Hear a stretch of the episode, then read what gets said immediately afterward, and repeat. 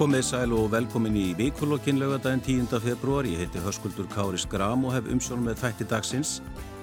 Það byrjaði aftur að gjósa á Reykjanesskaga þriðja elgósið á þremur mánuðum og það sjötta frá árunni 2021. Hraun fór yfir Grindavíkurveg og heitavastlögn og ógnaði líka raforkulínum. Nú er unnið í kappið við tíman við að leggja nýja lagnir. Ríkistjórnin kynnti í gerð útfæslu aðgerðum vegna fastegnamála í Grindavík, kostnæðurinn hleypur á 20 miljardar. Það hefur verið mikið rætt um útlendingamál í vikunni, bæði varandi innflytjöndur og líka hælisleitundur, mótmæli og austurvelli og ráþærar sæta gaggrinni. Hinga til að ræða þessi mál eru komin Páll Valur Björnsson, fyrirhandi Þingmaður og Grindvíkingur, Þórdís Lóa Þórhalsdóttir, fósetti borgarstjórnar Reykjavíkur og Ottviti Viðrisnar í borginni og Jón Gunnarsson, Þingmaður sjálfstæðisflokks og fyrirverandi dómsmálar á þeirra. Verið velkomin. Takk fyrir. Takk fyrir.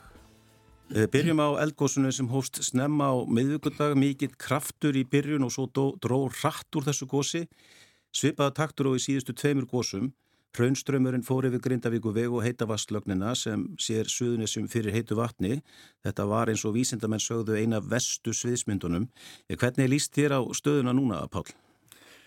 Mér líst náttúrulega sem Grindavíki og suðunissemanni afskaplega illa á stöðuna og, og, og hérna maður er eiginlega nánast orðlös þessa dagana yfir öllum þessum hörmungu sem er yfir okkur í það þarna söður frá sko.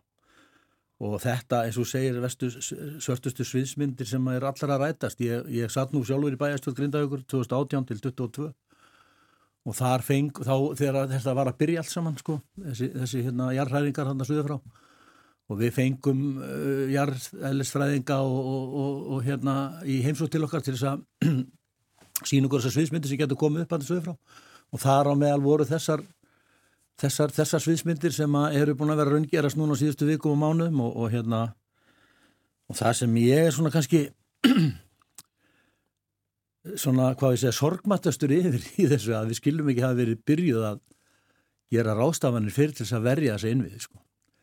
það er það sem ég finnst eiginlega svona ámælisvert og ég er ekkert að kenna einu meðan einum um heldur þetta virðist þetta bara að vera svona landlegt andar að leysi hjá okkur íslingum að við, við erum ofsalega góði viðbröðum Þa, það, það, það verður ekki frá okkur tekið og, og við hefum, sí, hefum sínt það bara núna í þessum hörmungum hvað við erum ábáslega fljóta að bregðast við.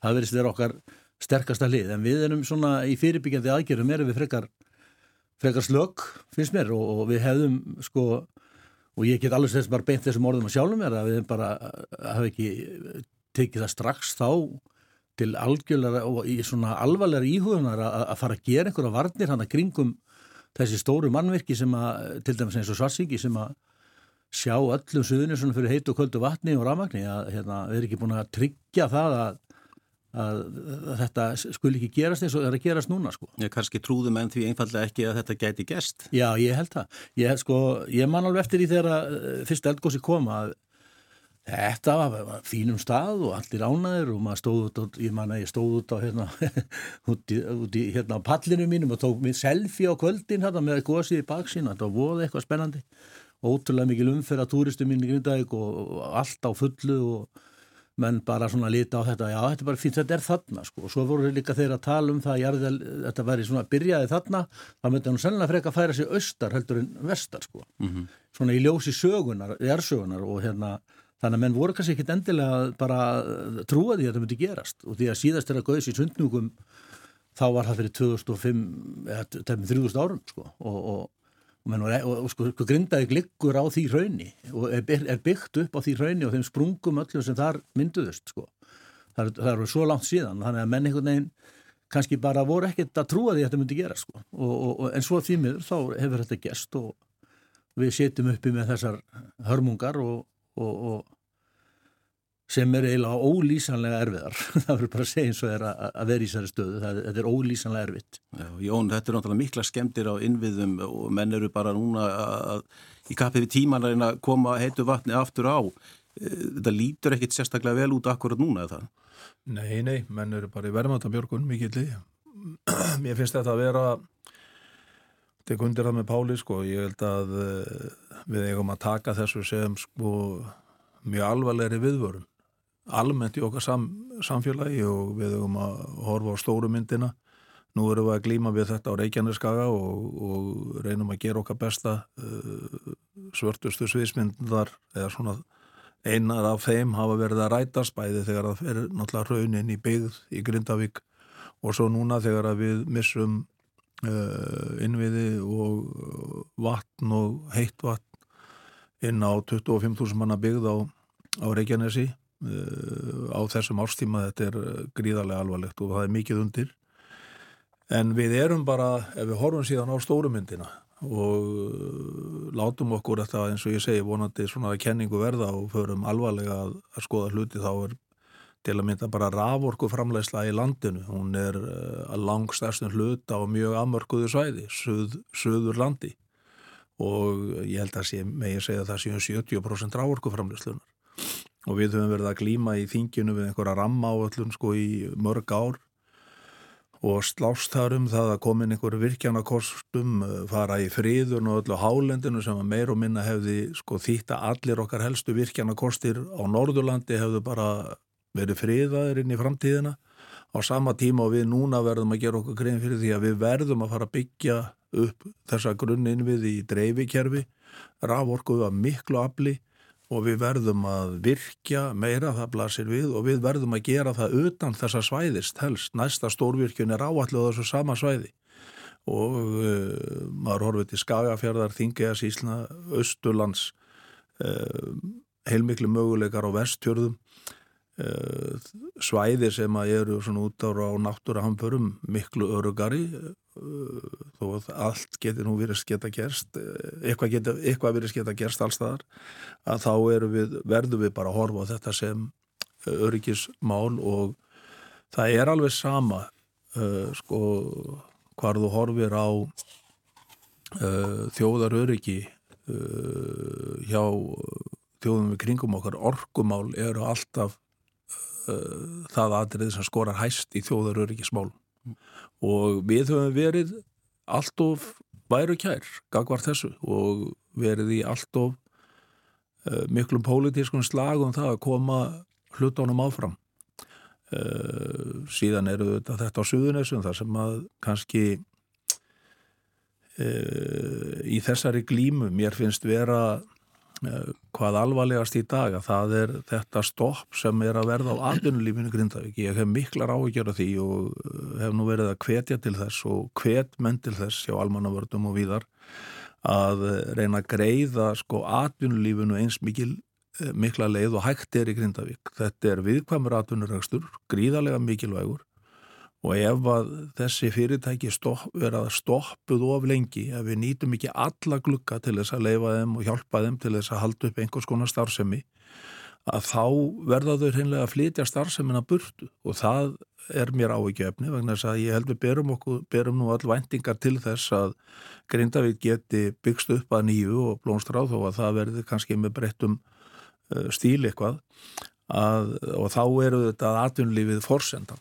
Já. ef að fyrirtækin fara að þá hjálpar það mjög til að slökka uh, ljósin til lengri tíma í Grindavík í óttastað og mér finnst svona ekki vera hort nægilega mikið til hagsmuna þeirra og við áttum nú fund með fullrúum margra fyrirtækja í Grindavík fyrir stuttu þinglokki sjálfstæðismanna og þetta voru ávíkjur þeirra Þórtís, eh, það líkur fyrir að menn eru svona að vakna upp af vondum draumi hvað varðar svona skipilarsmál hvar við erum að koma fyrir nýjum hverfum, við sjáum hvað er að gerast á söðunissum e, já, hvernig staðan varandi höfðborgarsvæðið og Reykjavík þegar kemur að þessum grunn innviðum?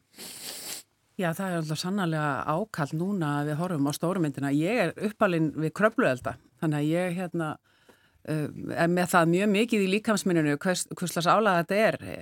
Við vorum þar í rúmlega tíu ár, 15 gós ef ég maður rétt, þannig að Sko, þannig að þetta er svona einhvern veginn, kemur svolítið við mann, uh, allt saman. Við erum hérna á höfuborgarsvæðinu með þekkt uh, sprungusvæði, getur við sagt, uh, sérstaklega í eistri hlutanum, þar er vassvendarsvæði meðal annars undir hjá okkur og, og svona austur hliti árbæjar og efri byggðir. Það eru svæði sem nú þeir eru þekkt fyrir þetta náttúrulega bara á stór höfuborgarsvæðinu er hluti hafnafjörðar líka á þessu svæði. Ég held tek undir hérna með kollegum mínum að það skiptir gríðarlega miklu máli að við horfum á stóru myndina og verðum bara svolítið drastísk í, í, í þeirri stóru mynd. Við höfum tilneyingu til að stinga höfðinu smá í sandin og við sjáum að við erum einhvern veginn alltaf að fá vestu sviðsmyndinar og, og ég sko alveg síðan að ég byrjaði í pólitík sem er nú orðið þó nokkuð síðan þá erum við búin að vera í dramatískum atbyrðum, við verum það er ekkert land síðan að við vorum með Norðvesturland úti út á óveri og innviðinir niður þar við erum búin að vera með COVID núna, við vorum með COVID og reyndi verulega og nú erum við með þessa stöði í gós og, og jarræringum og þetta er allt saman, þetta er allt saman með innvið að gera og við sjáum líka hvað, hvað mannlífið okkar er í rauninni viðkvæmt sko. Ég tekla bara undir áhugjur Jóns með atvinnulífi því að ef að ef að hérna, þetta, það slöknar þá er gríðarlega erfitt að kýpa öllu liðin. Og við hérna á höfuborgarsvæðinu erum með almannavarnar áallaninn sem núna er aðeins að kýka í gangvarðandi til þess fjölda hjálpastöðuvar við erum, löngu, við erum löngu búin að eiga þær áallanir við gerum það í rauninni í kringum COVID. Eh, þannig að það er til en svona út frá skipulæginu að þá held ég að það er sko engin spurninga með við þurfum, við þurfum að skoða það. Áallin borgarna núna er kannski ekki mikil þarna, hún er meira á höfðanum og í kjeldnaholti út á skerjafyrði og í þessum þjettingareitum og inn í graf, upp í Grafavogi og Kjalanesi og Úlfarsardal og það er allir eitt, hversu langt nær þetta svæði eh, hérna upp á Gunnarsholma yfir, eh, yfir á hérna, hvað maður segja, norður hluta austurborgarinnar ef ég fæ að tala í áttum eins og þingaðingar gera gætnan, en veist, þetta er allt saman undir núna og við þurfum sannarlega að skoða það, auðvitað erum við líka uh, núna uh, orkuveitan okkar. Hún er hérna, þjónusta meirum en allt suðvestur hotnið og við erum með heitavats uh, intökin í borgina frá fjórum stöðum. Þetta þarf alltaf að rína og við megum ekkit við svona. Og satt best að segja, sko, hef ég bara verið að rákjur af suðunisju núna, sérstaklega eftir frettir uh, hvað gerist í nótt sko. Þannig að hérna, við veitum ekki alveg hvernig þetta fer. Ég bý bara frétta um það hvaða plön verða sett í gang en við hérna á höfbrukarsvæðinu og almannavarna nefnd höfbrukarsvæðinsins er mjög klári slægin sko. Það er, viðbræðið er hrætt og gott, ég tek undi það. Ja, Vísendamenn hafa verið að segja að allt þetta svæði hérna á Suðvesturhóttninu sé að vakna til lífsins á, á ný. Þetta sé kannski bara byrjunin sem við erum að sjá núna á Reykjaneskaga og þá erum við að horfa kannski mögulega til hengilsvæðisins og það getur haft mikil áhrif á Uh, já, heit, heita vatnið og, og, og raforku til höfuborgarsvæðisins er byrjað að gera einhverjar áallanir hvað það var þar ef að súsviðsmynd raungerist? Sko, nú þekk ég ekki svona djúbgreiningar orkuveitunar alveg en ég veit að orkuveitan hefur verið núna í mikillir stefnumörkun fyrir framtíðina og uh, þau, þannig að þau eru byrjuð, já. En ég held að við svona þurfum aðeins að horfa betur á þetta núna með frettir á þessu síðasta gósi, ég, hérna ég sé ekki að við séum með tilbúin plön við það að, að, að hérna, jarðhæringar færist beint yfir á hengilsvæði. Ég þekki það þá allavega ekki, það verður ekki verið lagt fyrir okkur í borgaráð og borgarstjórn en ég veit að orkuveitan hefur, er byrjuð þannig að það verður nú fróld að fá að heyra frá þeim hvernig þau sjá þetta en ég hef hins vegar haft af því áhyggjur uh, svolítið lengi hvernig hver, sko, umræða svæði eða hvað maður sé að þjónustu svæði orkuveitan er gríðala stórt. Það er meira og meina allt söðustur hodnið þannig að það, við eigum gríðala mikið undir þessum innviða fyrirtækjum okkar. Mm -hmm. Má sko, kannski aðeins skjótt inn í þetta. Sko það er, það er auðvitað gríðarlega mikilvægt að horfa til fleiri átta í öflun á rávork og heitu vatni í Gagvart höfuborgarsvæðin og það var auðvitað mjög bagalegt þetta sko verkefna stopp, framkvæmda stopp sem var sett á í fleiri ár. Og við vorum með forstjóra í orkuveitunni í mörg ár maður hætti bara hvað fyrir einu og hálfu ári síðan og hann kom ítrekkaði í fjölmiðla og sagði að það var bara algjör vittlis að það vantaði eitthvað meir orku sko.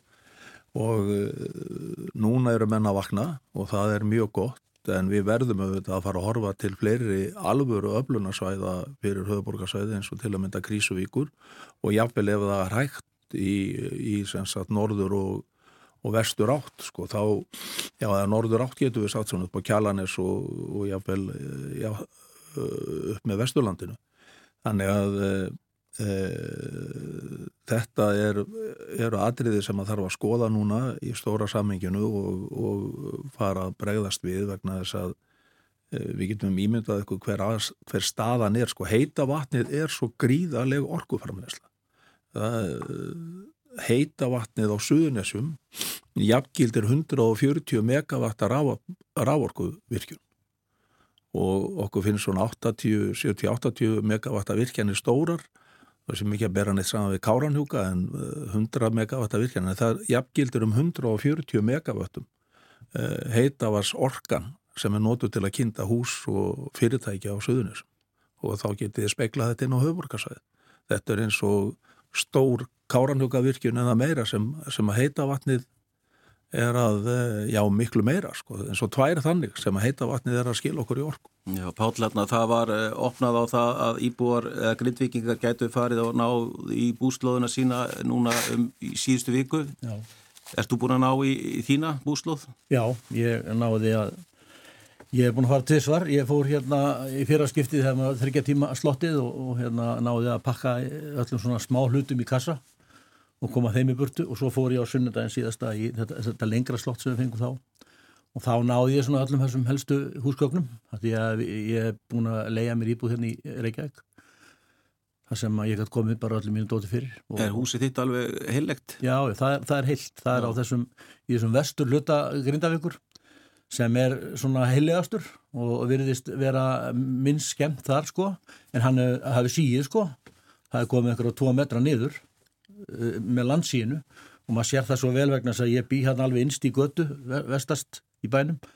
Og það er bara tún fyrir neðan, játgerðarstaða og það er svona lítil tjörd sem að fugglar eru mikið á og, og þeir heia hérna játgerðarstaða bræður uh, túnisinn, það er bara farið, þetta er allt orðið vatn. Og sem segir manni það að landið hefur síðu tölvöld mikið það niður vegna þess að vatnið er orðið svona þrifsastunum starra heldur en það var sko. Mm -hmm. Og, og hérna þannig að það er en, en skemdir eru virðast vera mjög litlar á húsum þar í þessu þarna megin í þessu eld, eldri hver, hverfi sko. En austamegin við, við Víkubraut eh, virðist vera meir og minna ónýtt sko. En serðu fyrir þér að fólk muni flytja aftur í, til Grindavíkur á komandi árum? Ég efast ekkit um það, ég held það, það er stór kjarni sem að vill vera hann og ég tek undir mig jóni saman með aðtunlífið, það er alveg gríðarlega mikilvægt að ef þess er einhver kostur að koma því í gang aftur. Nú, það eru, eru fjögur stór svona, tvö mjög stór fiskuslu fyrirtæki eða útgerða fyrirtæki Grindavík, Þorbjörn og, og, og Síldarvinnslan sem það heiti nú, sem ég þá vísir og svo er það Einhamar og, og Stakkavík. Stakkavík er ónýtt sko.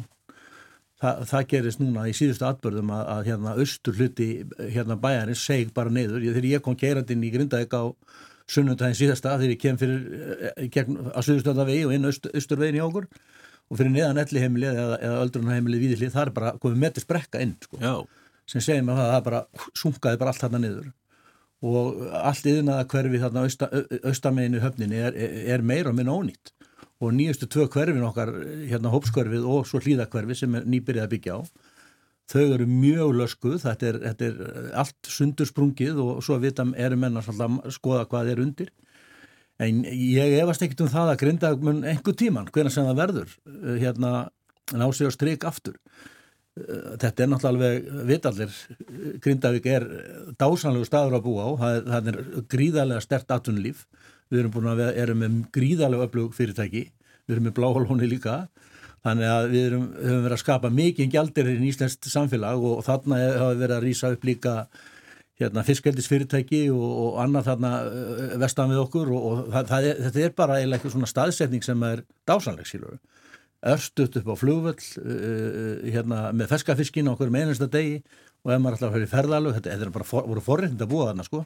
Og síðan að koma inn í höfuborginu til þess að ná í aðfyrir og annað. En, en maður veit ekki, maður veit ekki hvað þetta er lengi og þú segir, segir réttilega á hann að jarfistamenn segja nú verið skæðin vera vaknaður og hversu lengi stendur það, það, það, það er hafinn kvikusögnin undir hérna, eða landris undir, hérna, undir svarsengi aftur og, og, og, og hvað kemur það góðsögn?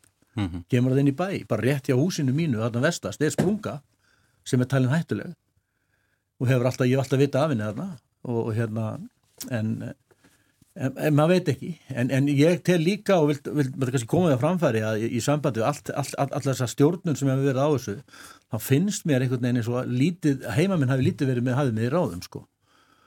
Og það þykir mér mjög skrítið. Til dæmis er eh, formaði bæjar ás Grindavíkur, hann er, er lauruglumadur uh, hérna til 40 ára á söðunisum og hefur verið aðgerastjórn þarna og, og, og vettvákstjóri í, í sambandi við eld, eldgóðsinn fyrri.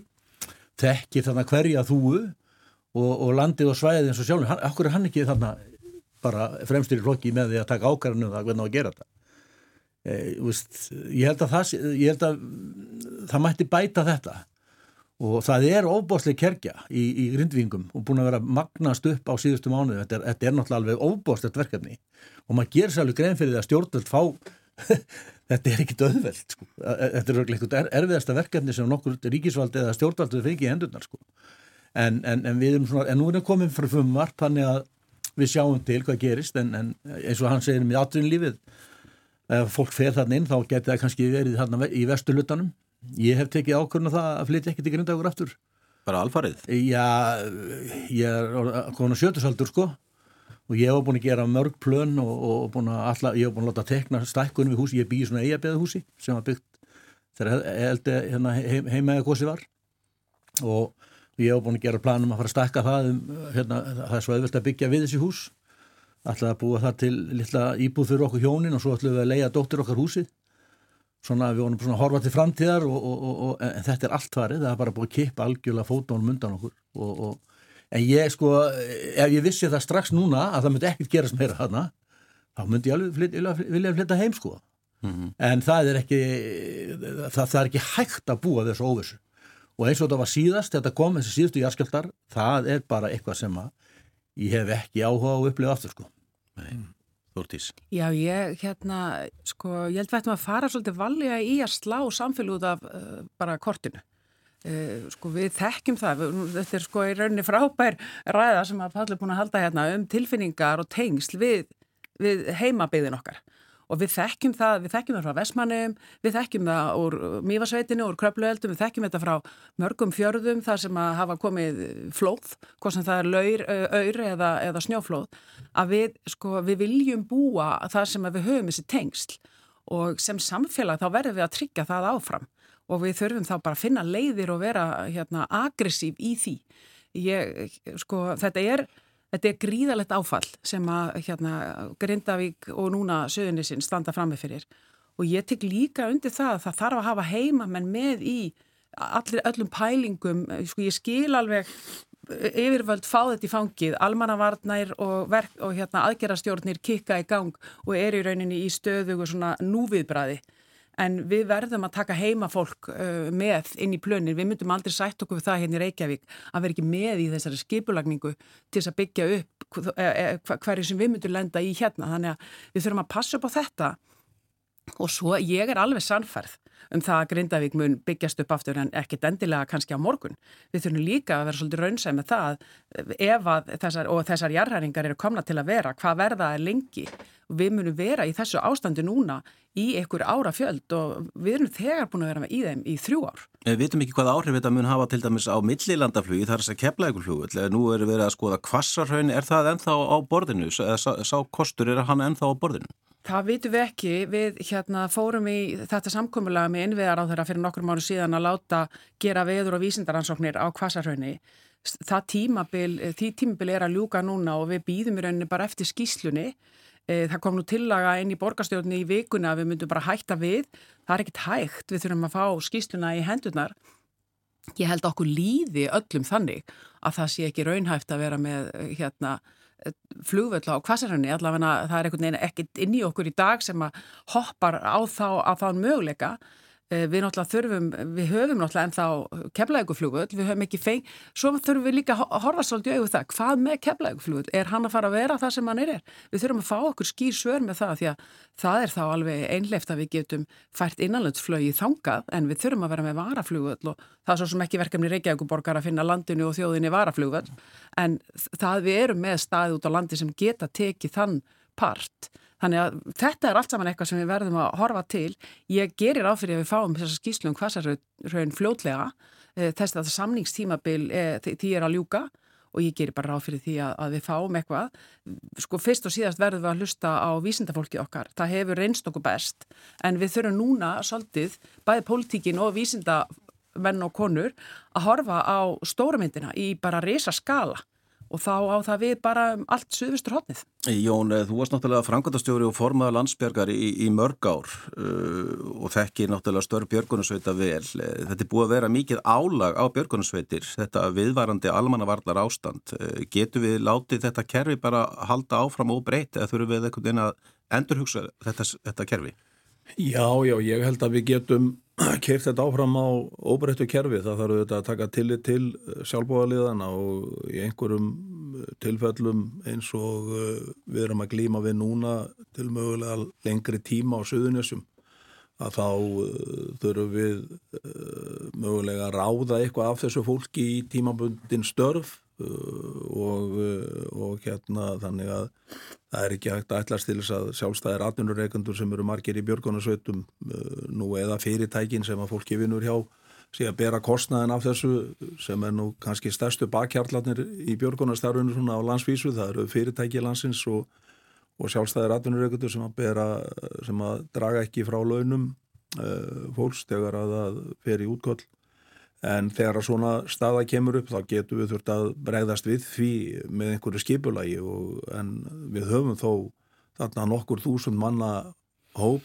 allstaðar af landinu sem að hefur þjálfun og, og búnað til þess að geta brúðist við og ég held að við getum kert það, getum kert þetta áfram á, á því. Við þurfum líka að horfa til þess sem að við vorum að skoða hér við Björn Bjarnason á sínum tíma þegar ég var uh, í formensku fyrir landsbjörg og hann var dónsmálar á þeirra og ég var að skoða þetta með, með hérna yfirmönnun lauruglun á þeim tíma, Jóni Bjartsmar sérstaklega um að koma upp einhvers konar varaliði lauruglu það var auðvitað sett allt í einhvert skrítið samhengi og menn vildi fara að koma með benga herr Björns og svona kæftæði sko eins og pólitíkin fenn nú stund eftir nú stundum í sko en uh, nú kemur þetta auðvitað í ljós sko það gæti nú verið gott að hafa varalið og, og hérna ég held að við getum hort til þess að dusta ríkið af slíkum hugmyndum. Bryndís Haraldsdóttir, flokksistin, var nú svona að gefa það skina einhvers konar þannig fyrirkomulag við ættum einhvern veginn að hugsa það. Já, talandum að stinga höstnum í sandin, sko, ég meina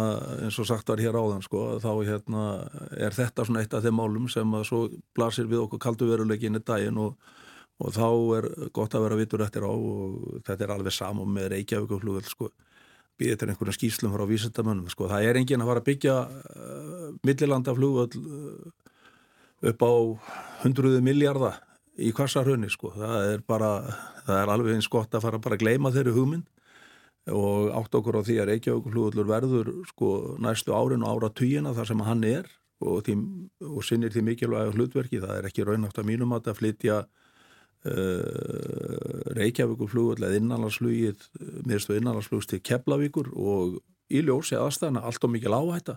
Reykjavík-flugvöldur gegnir gríðarlega miklu hlutverki sem varaflugvöldur fyrir millilandaflug og, og við þurfum auðvitað að huga því að, að styrkja stöðan sem slíkan frekar núna við þessar aðstæður.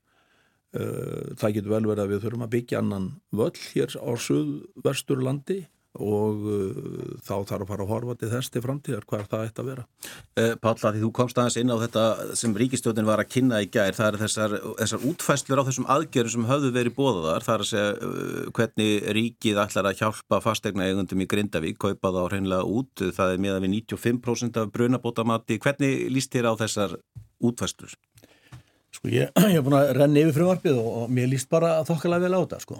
Þetta er við báðum, ég menna á íbúafundinu var alltaf kröðustu þess að við erum bara borguð 100% út og, en, en það sem ég finnst kannski bara mest um verðt í þessu að það er svona þerrpólti sátt um þetta og, og hérna bæði stjórn og stjórn anstað hafa komist að þessari niðurstuð að að 95% af brunabótamati sé það sem að, hægt er að bjóða fólki. Og, og þá er náttúrulega kannski líka eins og kemur fram í skýringum í greinagerðinni að, að hérna að sko í mörgum tilfellum með brunabótamatið hærra heldur kannski markasverði húsa. Þannig að ég, ég veit svo það er kannski sjálft missjamt hjá einhverjum en, en, en ég sko ég er bara svo fegin að vera komin einhver hérna einhver laust í þetta mál fyrir okkur. Og, og, og hérna svona eh, þó að óvissan verði alltaf um framtík grindaðugur þá er allan að búið að minga þessa óvissu, við getum núna farið að fá fast landundi fætur aftur.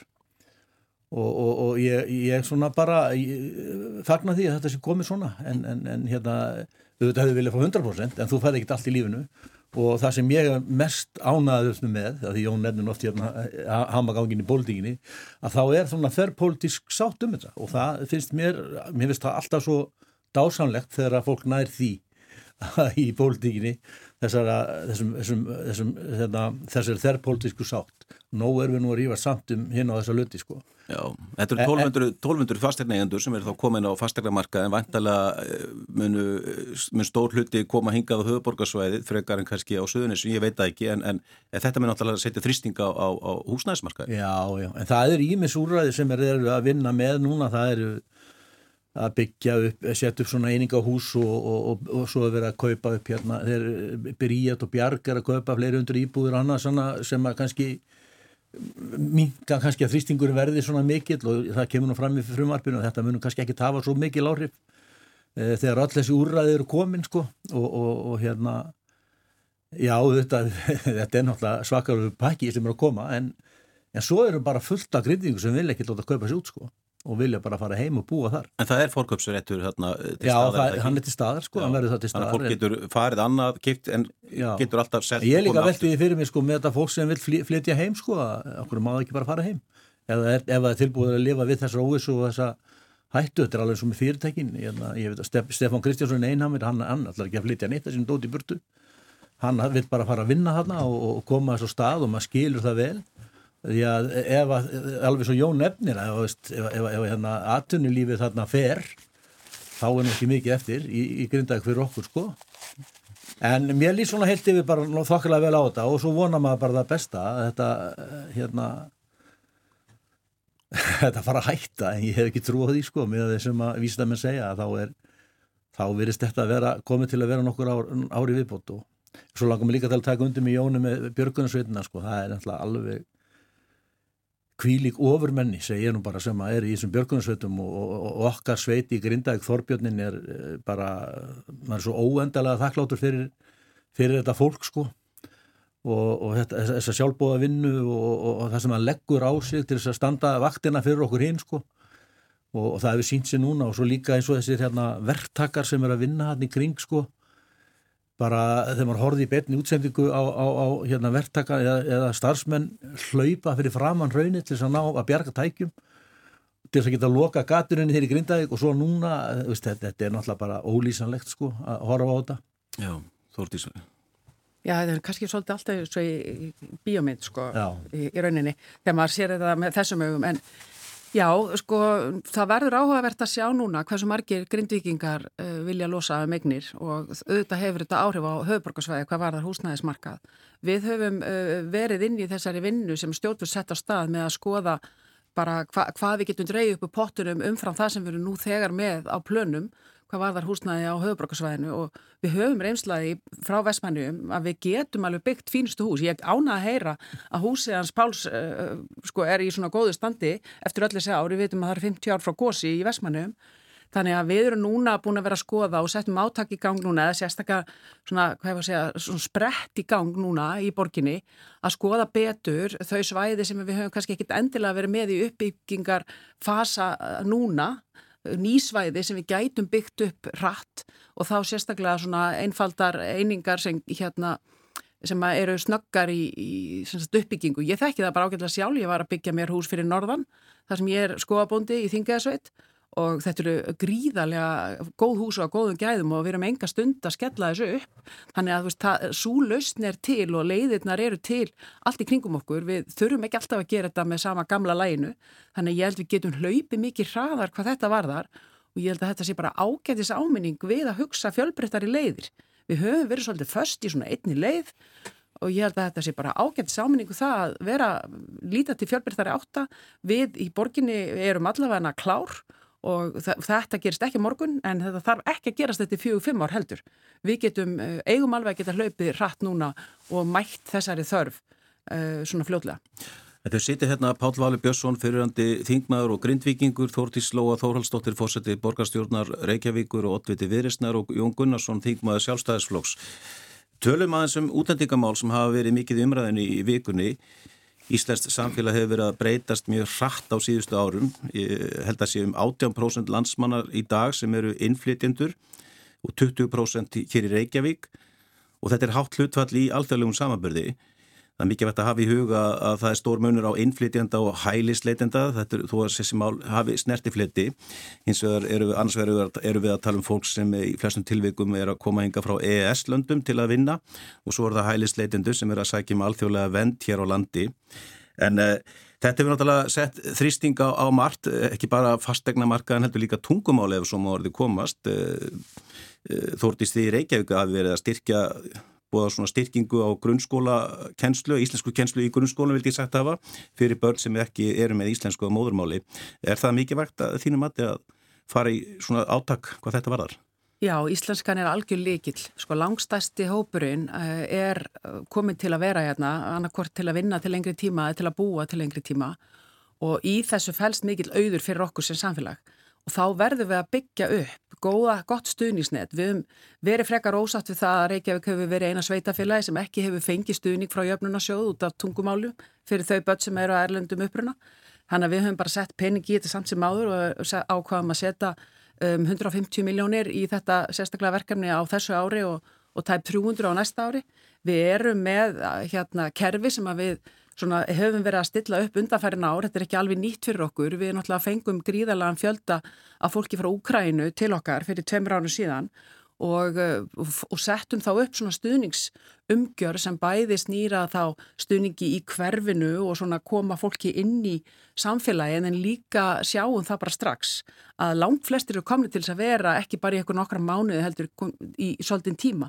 Og þá er íslenskan algjör líkill og við höfum verið að styðja við það í gegnum miðjum máls og læsi sem er svona þekkingateimi borgarinnar á, á læsismálum og íslensku.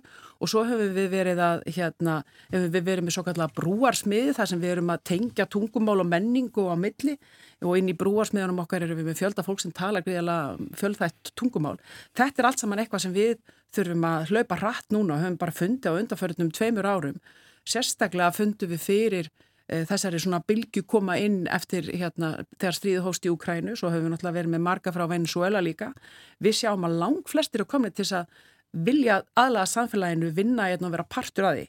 Þannig að við e, lítum á þetta sem fjárfestingu en við erum hins vegar deilum þeim áhyggjum frá sveitafélögum í ringin í kringulandi og koma ágætlega fram hérna í þætti uh, í torkinu á miðugudagin eða í marjætt hérna á Rúf að sveitafélagin eru náttúrulega algjör kjarni í að tengja fólk inn í samfélagið. Og það er skólinn, leggskólinn, frístundin og þarna eru, hvað ég var að segja, rásirnar inn í samfélagið.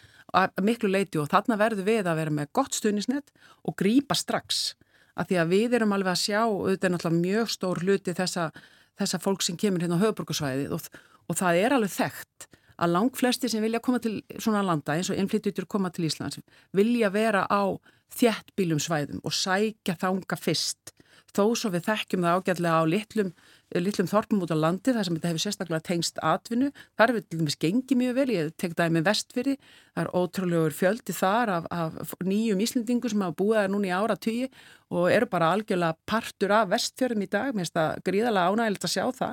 Þetta er líka byggða þróunamál en við erum með þessa þjættbílis umgjör hérna og gríðalega fjöld og bara í Reykjavík eru þetta um 30.000 manns þannig að þetta er ekki nokkur hundru manns, þetta er ekki og hælisleitindur annarsvegar og flótamenn eru brotabrót af þessu. Þetta er langstæstu hluta fólk sem er komið enga til þess að vinna og til þess að búa og til þess að vera partur á samfélaginu inn í framtíðinu og það er í rauninni verkefni okkar hjá borginni, það er að það gangi vel. Og við erum með margar ámenninga núna allstaðaði kringum okkur að ef við setjum ekki fjármagn í þetta og, og styðjum við fólkið okkar og líka við kennara og leikskólakennara því að við erum vön með svona sett uppið okkar hérna hefur bara verið frekar einsleitt Nú er það orðið fjölbreytt og við þurfum að finna leiði til að mæta því. Uh, Jón, Þórtís minnist hérna á, á Úkrænu og Venezuela, það er sá hópur sem er stærstur þegar við erum að horfa til hælis leitenda hér á landi. Uh, þú hefur talað um það ítrekkað að kerfið, mótöku kerfið sem slíkt sé sprungið. Mm -hmm. uh, hvernig lýsur þú því? Hvernig, hvernig er það sprungið? Ég það má nú kannski bara spegla það yfir það sem að var verið að segja hér sko, nákvæmlega, þú veist að uh, við náum ekki að veita fólki þjónustu, það er auðvitað mikilvægt að greina á milli annars vegar sko þá sem er að leita hér eftir vend og hins vegar þeirra sem er að koma og eru hluti af þessum 500 við erum hluti af 500 miljóna manna vinnumarkaði Einmitt, sem er er innflytjendur. og, og það er mikil þörfi í atvinnulífinu og atvinnulífið auðvitað hefur að draga til sín mikið fjölda fólki en atvinnulífið tekur þá líka þátt í því mjög oft að útböða því húsnæði uh, en, uh, en aftur flótamennir þeir eru okkar ábyrð og, og hérna Úkræinu hópurinn kom síðan til út af sérstakum aðstæðum auðvitað eins og við þekkjum og, og við eins og aðrar Evropu þjóðir greittum þeim mjög leið flótamönnum þaðan inn í samfélagið. Ég læði það nú til við ríkisjónaborði á þeim tíma að við myndum halda sérstaklega utanum þennan hóp, við myndum stopna úkræðisna skóla, fá úkræðinsk námsefni, fá úkræðinska kennar úr hópi flótamanna til að kenna þessum fjölmennahópi sem að þar kemi og veri síðan með mjög harða íslensku og samfélagskennslu inn í þann skóla. Þá hefðu við létt þarna já, stórum hópi af grunnskóla kerfin okkar og, og hérna það hefði hjálpað held ég gríðarlega mikið. Þetta mátti alls ekki heyrast Það er því gert vegna þess að þetta var kallað aðgreining í skólakerfinu þegar ég var að bera þetta upp og hún kemi nú ekki til greina á Íslandi. En þetta er svona praktískur hlutur og aftur að stinga hausnum í sandin sko. Við erum bara í snjóflóði hvað þessi mál varða núna og þau eru samfélaginu óvið ráðanleg í svo mörgu tilliti. Þannig að eh, ég held að ég bara teka undir uh, þessi sjónamið og um mikilvægi þess að ebla íslensku kjensluna og, og samfélagsstáttökuna hjá fólki sem að hinga kemur. Við höfum klárlega ekki náða að halda utanum það og það sýnir sér síðan að brottfall uh, innflytjanda er hærra úr skólakerfinu. Batnað þar, það er hætta á klíkumyndunum og, og öðru sem að, sem að hérna er mjög hættulegt inn í framtíðina þannig að ég held að allir aðeila séu með þetta um gríðarlegt mikilvægi þess að grípa til róttakra ráðstafana í, í þessu.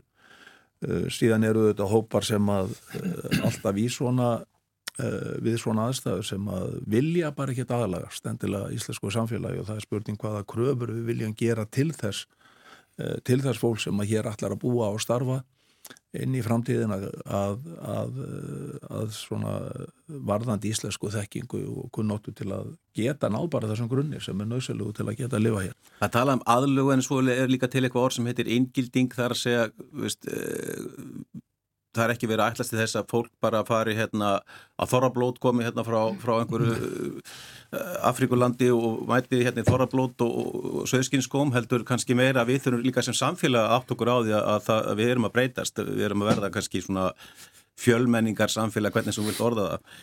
Páll, hvernig, líst, hvernig meður þú þessa stöðu? Meina, hefur, finnur þú fyrir þessum breytingum? Nei.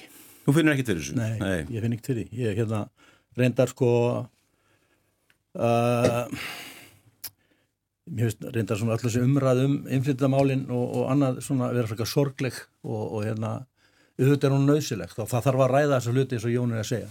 Það var náttúrulega algjör sprenging hérna 2022 þegar að úgrænaði fólki kom og síðan í kjölfariði að, að Venezuela fólkinu var veitt þessi viðbóta vend sem ég veit ekki alveg út af hverju það var. Ég, ég, ég skil ekki alveg út af hverju það, það var, var það ekki Guðlugur Þór Þórðarsson þá var hann auðvitaðriksráð sem að, sem að hérna, veitti Venezuela búum hérna, viðbótavend á, á þeim tíma sko þegar ástandi var hvað alvarlega síðan uh, komst uh, útlendingarstofnun uh, að því að það væri óeðlegt og, og hérna sinjaði viðbótavendinni og en þá var það kærunend útlendingamála sem að tók ákvarðunum það að, að viðhaldenni þetta er síðan allt breytt núna og við settum mikla vinnu í gangi í því þegar ég var í ráðanettinu að endum þetta stöðun í Venezuela og gerðum það svolítið í samfunnu við norðmenn sem að sendu bara útækta teimi til Venezuela og út úr því kom skísla sem að síðan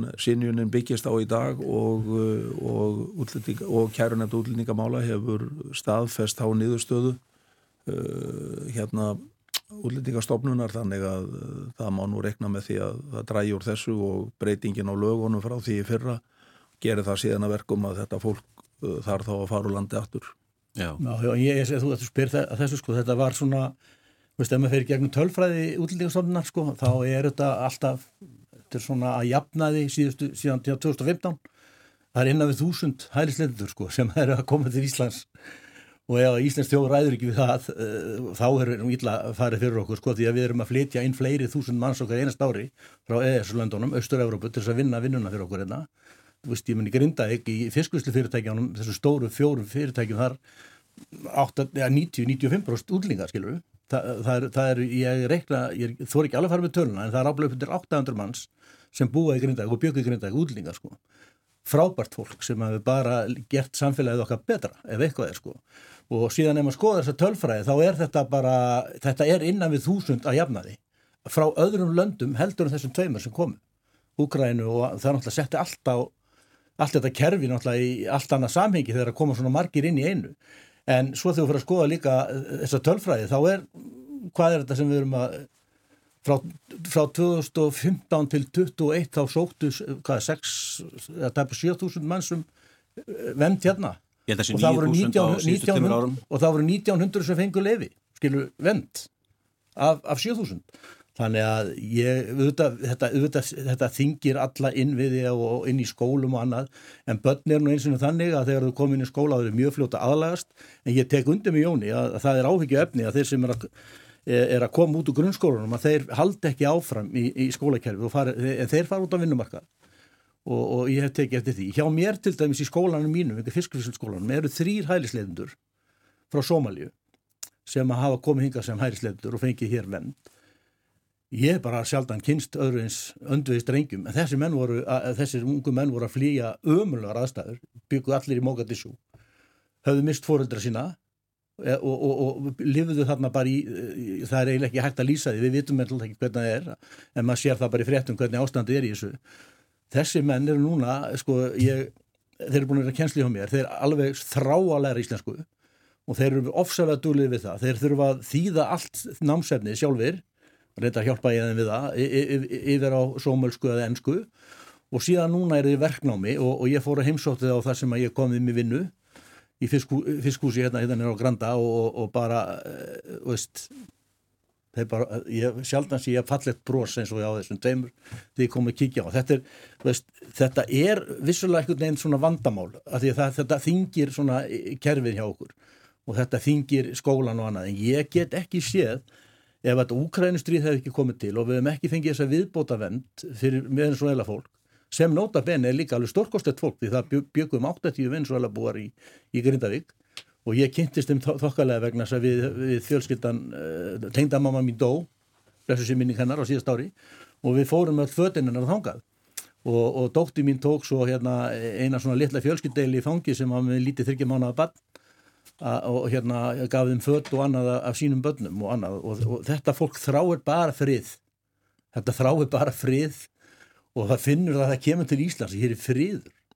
Og, og það lappar hér um gödurnar og það er, veist, það, það er engin, að, það er engin hætt á að sé eitthvað glæpa maður bak við hús ára skjóta þau sko. en, en auðvitað er, þetta er erfiðum málaflokkur og, og hefur verið það kannski en ég held að þetta sé ekki óviðráðanlegt fyrir okkur.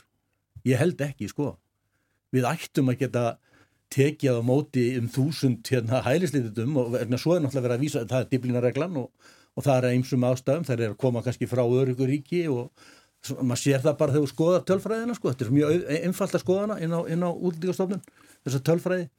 Og, og, og hérna ég held að við sem þjóð getum vel, við erum alltaf komin inn í þennan fasa fjölminninga samfélag, við erum ekkert að fjölga okkur náttúrulega íslingar, við erum ekkert að gera það, þannig að öll ný störf og allt sem skapast, það verður við að fylla upp með útlýtingum Hagstofun er meira svona að lækka mannfjölda tölurnar heldur en að hækka, það er alltaf verið endurhugsaðar upp á nýtt og það komu hérna nýjar upplýsingar í, í vikunni. En, en, en Þortís, hvernig hefur Reykjavík uh, hvernig er Reykjavík í stakk búið til að taka á móti þessum fjölda hælisleitinda?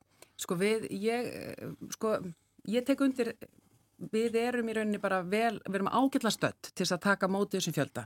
Eh, það koma flóðbylgjur, nákvæmlega eins og við höfum verið að lýsa hérna, af Úkrænu, eh, út af stríðinu og af Venezuela kemur inn. Það, það, það er bara ströymar sem koma með miklu, miklu hraðar heldur en við kannski erum tilbúin í, en við erum að vera það núna, við getum hæglega að tekja á móti þúsund hælisleitundum á áris en samfélag. En fjögur þúsund, fimm þúsund eins og við hefum verið sjá síðustu tvö ára.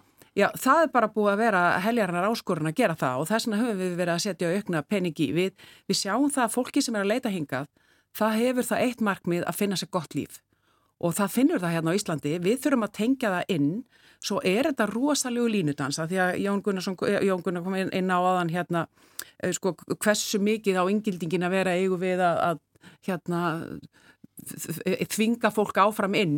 Þetta er rosalega líndast, við viljum íslenskuna, við viljum samfélagslega tengingar, við viljum þessa, þetta fólk kynnist en við getum hins vegar ekki þvinga fólk í eitthvað sem það vill ekki. Já, Þannig það sem ég átti við ánefnit að Íslands samfélag það kannski að taka skrefið í áttina já. að þessum, þessum innflytjenda hópi frekar en að við viljum bara þeir komið til okkar. Já, þetta er línutan sem við þurfum að dansa saman, taka eitt skref í sikkur áttina eða saman sko, svo, svo við sjáum bara hjá, hjá borginni núna Við getum alveg tekið á mótið þessum fjölda. Er, þetta reynir á innvið, þetta reynir þetta bæði á skóla og leikskóla, þetta reynir á húsnæðismálin en við erum hérna með ákveðin hagvörst sem við erum öll sammálum að við viljum halda og þetta fólk kemur allt saman hingað inn í rauninni sem partur á því. Við finnum það í Reykjavík að þessi hópur er ekki íþykjandi til langs tíma og svo langar með að koma einu sem að við oft, sérstaklega eins og þegar Úkræna kom Eh, og fólki frá Úkrænu kom fyrst hinga, þá einhvern veginn töldu við öll að það væri að fara að vera hérna í stuttan tíma. Það er hins vegar ekki raunin. Við erum að sjá þennan hóp vera hérna til langstíma. Við erum ekkert endilega að sjá hann fara beint heim til Úkrænu þó svo stríðið væri búið í dag eða morgun. Og það er sama á við Venezuela og svo er bara alvarlegt ástand í Suður-Ameríku og Mið-Ameríku núna, við finnum það bara á landamærum í bandaríkunum, við sjáum hvað er að gerast í Ekvator, núna er í rauninni innri upplust þar að byrja með einhverjum glapagengjum og, og hérna eitulifjaringum, við sjáum þetta í allri Mið-Ameríku, þannig að þessi hópur Uh, hann kemur núna til okkar frá Venezuela, við þurfum alveg að undirbúa okkur undir það að það fara að koma uh, aðilar frá öðrum löndum líka. Ég, við sjáum ekkit í spilónum með það núna nákvæmlega en við höfum bara fréttir af Suður og Miðameríku og það eru ekkert sérstaklega góðar sko. Þannig að á endanum kemur þetta til okkar en við erum aldrei fyrsta stopp. Nei, ég ætla að sko, það var nú talað hér um að stinga hausnum í sandin á þeim sko, þetta er... Uh, Sko auðvitað er þetta að segja eins og Páll er að segja hérna mjög fallega sögur af fólki sem kemur yngar til að vinna og starfa og byggir upp Íslands samfélag og það er sögur eru til hér út um all land og það er frábært hvað eh, margt af þessu fólki aðlæðast íslensku samfélagi. En tölurna tala bara sínu máli í þessu. 2003 til 2016 komu hinga samtals 1300 manns í leitað vend. Frá 2016 til 1. november 2023 komi hérna 13.000 manns að leita vend mm -hmm. og segja svo að þetta sé nú bara alveg viðráðaleg þróun og við ráðum alveg við þetta e, sko ég hef bara talað við kennara í skólum í Östubæjarskólanum upp í Breiðholti og víðar sem eru gjörsamlega sko að þrótum komnir segjast ekkert ráða við stöðuna í skólanu lengur þetta komi mjög mikið niður á námi hjá íslensku mælandi börnum og, og þau séu algjörlega búin á því. Og uh, svo er bara sagt hér að þetta sé alveg viðránlegt og þau séu að ná ágjallu utanum og eitthvað svona, það, það er bara ekki rétt. Við erum bara með mjög alvarlega stöðu í þessu málum. Kostnaðurinn, þegar við setjum laugin hérna á sínum tíma, ég held að Pállafi nú uh, verið með okkur á þingi já, já. þá sem að tóku gildið hvað 2016-17 að þá eru við, að, þá eru við með kostnað í þessu málaflokki upp á innan við miljardið mann rétt. Svo var þetta komið upp í fjóra miljardið og okkur þótti þetta alveg gríðarlega mikið. Á síðasta ári kostaði þessi umsjón með fólk sem var að leita hér að vend og við þurftum að halda uppi á meðan málsmeðfæratímin var uh, 20 miljardið. Það er jafn mikið og öll heilsugjastlan í landinu kostar. Það er nálagt í jafn mikið og öll lögjastlan í landinu kostar á ári. Það er meira heldur en öll utaríkistjónustan fyrir utan þróunarastjónu og kostar. Það er að segja utaríkisráðunitist öll sendiráðun og öll þessi starfsemi. Ef við setjum í þetta samengi þá sjáum við þá náttúrulega að við erum að grípa til ráðstafan og það sem að ég hef verið að leggja á að slá og gerði í starfið mínu sem dómsmálar á þeirra og, og hérna við erum að fylgja því eftir núna sjálfstæðismenn við erum bara einfallega að byggja um það að reglu, lög og reglur á Íslandi þeim er þið breytt til samræmis við það sem að gengur og gerist á Norðurlandum. Og Þið í Evrópu. stjórnað þessum málaflokki meira að minna undarfarin ára tugi. Hvar stoppar þetta þá? Já, við höfum vissulega gert það og uh, við höfum líka núna undanförnum árum forverar mínir í starfi Áslög Arna og, og Sigriður Andersen komu með frumvörp, breytingafrumvörp á lögjöfun í þessa átt inn í þingið inn í ríkistjórn, í gegnum ríkistjórnaborðið, inn til þingflokka og jafnvel inn í þingið þar sem að þetta var tekið í gíslingu eins og frumvarpi mitt í fyrra. Það er fyrsta breytingi sem við náum í gegn. Það er frumvarpi sem ég lagði fram og varða lögum í fyrra vor og það var samt reynd að stoppa það eins og hægt var og það voru fulltrúa þeirra flokka sem að sessunauta mínir hérna eru í. Menna viðresnar þingmennindi greita atkvæði gegn því frumvarpi, samfylkingi líka á samt pýrötum og þetta var tekið í málþóf og þannig hefur þetta stoppað í þinginu, það er ekki að kenna okkur um það þó að við komum þessu ekki í gegnum þingið á lokum.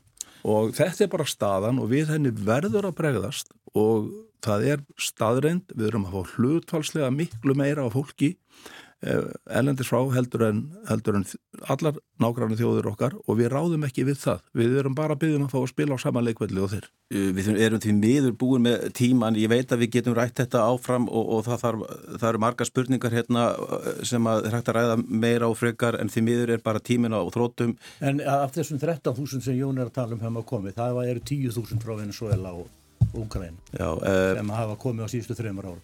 Sumt að því fólki komið inn á vinnumarkaðin og er ekki lengur okkar. Kannski erfitt að fara svona úr svona alvarlegri og þungri umræðu yfir í svona léttmeti eins og það hvað þið ætla að gera um helgina en Þórtís. Heyrði, já, ég, ég er nú bara leiðin í sund, sko, núna. Svo þarf ég að vinna eins meir í dag, en svo er, er ég nýjórðin þrýbura amma.